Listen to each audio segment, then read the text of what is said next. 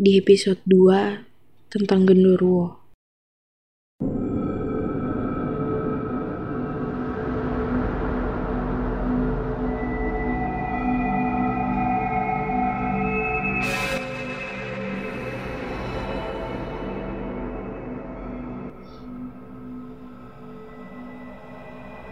Terakhir yang aku bahas adalah tentang jejak kaki yang tiba-tiba hilang setelah ayahku udah pulang ke rumah.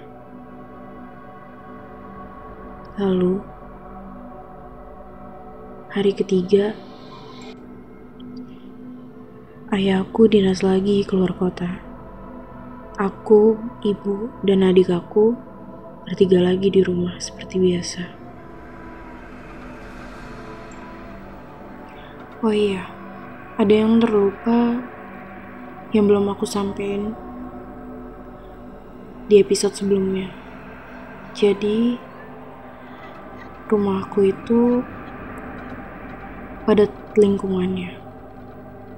Rumah kontrakan yang tingkat yang di atas lantai dua dan di lantai satu itu bisa beda orang, beda keluarga. Jadi kalau mau akses ke rumah aku ke atas itu harus naik tangga dan tangga itu umum. Tangga itu ada di sebelah kiri. Sedangkan rumahku itu di pojok kanan. Jadi kalau mau naik ke rumahku, mau datang ke rumahku, pastinya ngelewatin balkon dan balkon itu cuma satu sejalur dan panjang gitu dari ujung ke ujung. Otomatis kalau jejak kaki itu bener orang, manusia, pasti jejak kakinya bakalan dari tangga terus ngelewatin balkon-balkon rumah tetangga aku. Sedangkan jejak kaki yang ada ini benar-benar cuman ada di balkon depan pintu rumah aku dan masuk ke rumah aku.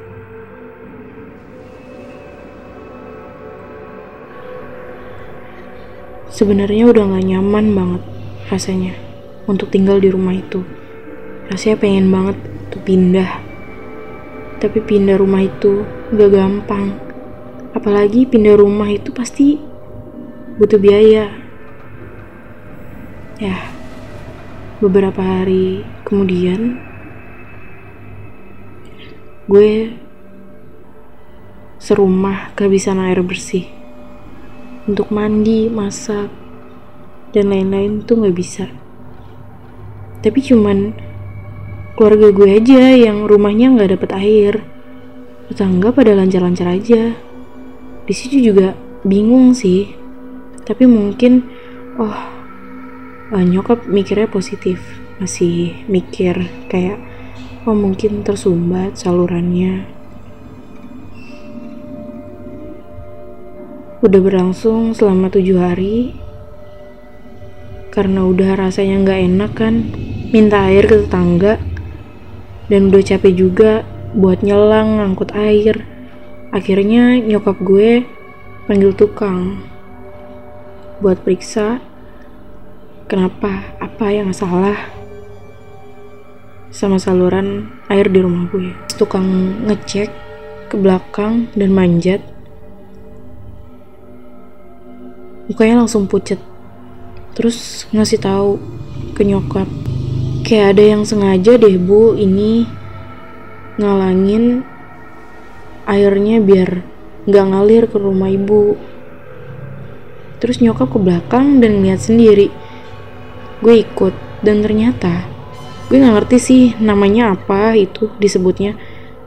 Pokoknya saluran airnya itu kayak ada bercak tangan persis banget kayak jejak kaki dia kan jejak kakinya itu kayak habis kayak main-main di tanah merah gitu. Nah si bercak di saluran airnya itu juga seperti itu tanah merah. Dan itu berbentuk tangan yang besar banget. Seolah-olah dia lagi nutupin mampetin saluran air itu biar nggak ngalir ke rumah gue. Di situ nyokap sama gue cuma bisa lihat-lihatan aja. mungkin yang di pikiran gue sama nyokap sama waktu itu. Terus pas tukangnya ngecek dia bilang ini nggak ada apa-apa loh bu. Saluran airnya lancar-lancar aja kok. Tapi selama tujuh hari rumah gue bener-bener nggak ada air. Aneh kan? Aneh banget. Kemarin jejak kaki terus sekarang bercak tangan. Dan ukurannya bukan ukuran kayak manusia pada umumnya. Tapi setelah itu air di rumah gue lancar. Nyokap langsung hapus bercak tangan itu di belakang. Dan akhirnya rumah gue akhirnya nyala. Nah malamnya. Kita bertiga udah siap-siap mau tidur udah baca doa terus tiba-tiba jam 2 malam gue kebangun gue lupa banget kalau besok itu hari Senin dan gue harus sekolah gue lupa buat nyusun buku pelajaran nah meja belajar gue itu ada di ruang depan jadi dari ruang tengah gue ke ruang depan dan meja belajar gue itu deket jendela. Jendela samping pintu. Pas gue lagi nyusun buku, tiba-tiba gue kayak ngedengar ada suara cowok nafas tapi nafasnya itu benar-benar panjang besar kayak geram gitu loh Terus gue beraniin diri buat ngintip ke jendela. Gue lihat dia yang gue lihat malam itu.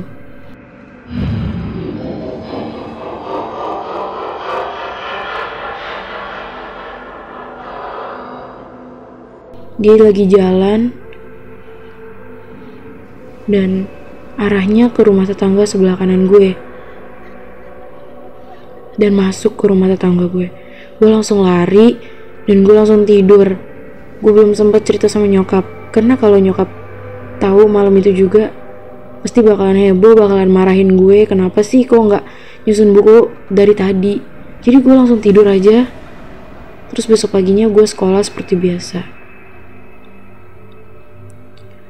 ternyata pas gue pulang sekolah di komplek lingkungan gue itu rame. Nyokap bilang, tetangga sebelah gue yang punya anak umur satu tahun laki-laki, anaknya tiba-tiba sakit, dibawa ke rumah sakit, dokter nggak ngerti dia sakit apa, dan siangnya langsung dinyatakan meninggal. Padahal sebelumnya dia sehat-sehat aja, dia habis main,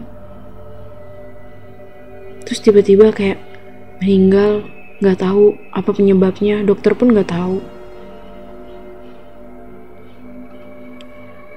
Gue langsung cerita sama nyokap kejadian malam yang gue lihat pas gue lagi nyusun buku.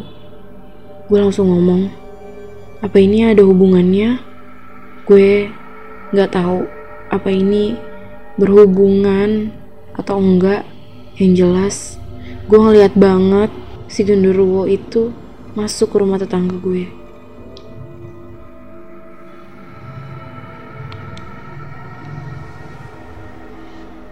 Akhirnya hari itu nyokap dan gue karena kita tetangga paling deket ya pasti bantu-bantu dong otomatis kalau udah bantu-bantu di sebelah nyokap gue jadi nggak masak di rumah. Nah udah malam lagi dan gue waktu itu ngerasa lapar. Jadi nyokap masakin gue mie. Jadi dapur rumah gue itu kecil. Kalau mau masak pasti pintunya dibuka. Biar asapnya itu nggak muter-muter di dalam rumah aja tapi bisa keluar.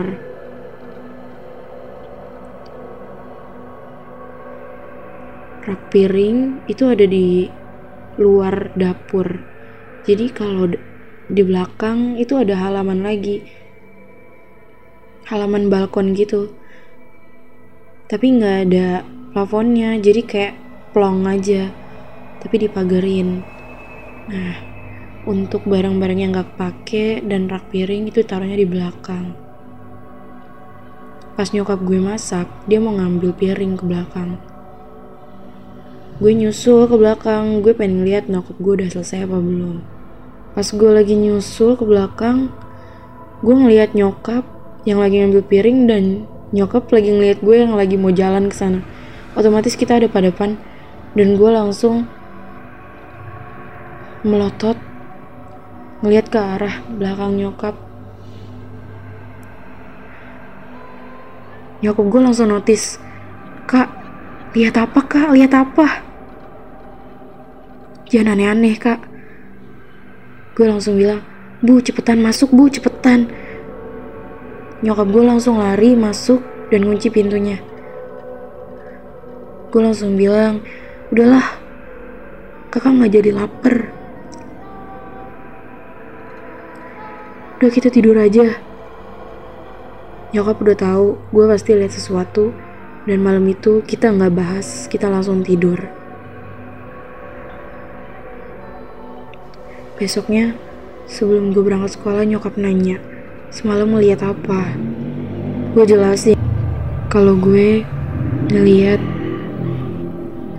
ada dua mbak-mbak duduk di atas pohon persis banget di belakang nyokap gue.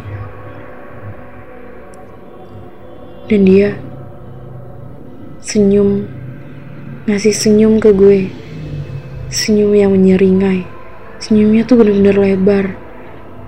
Dari ujung telinga kanan sampai ke kiri itu lebar banget senyumnya. Dan matanya bener-bener bulat. Nggak ada oval-ovalnya bener-bener bulat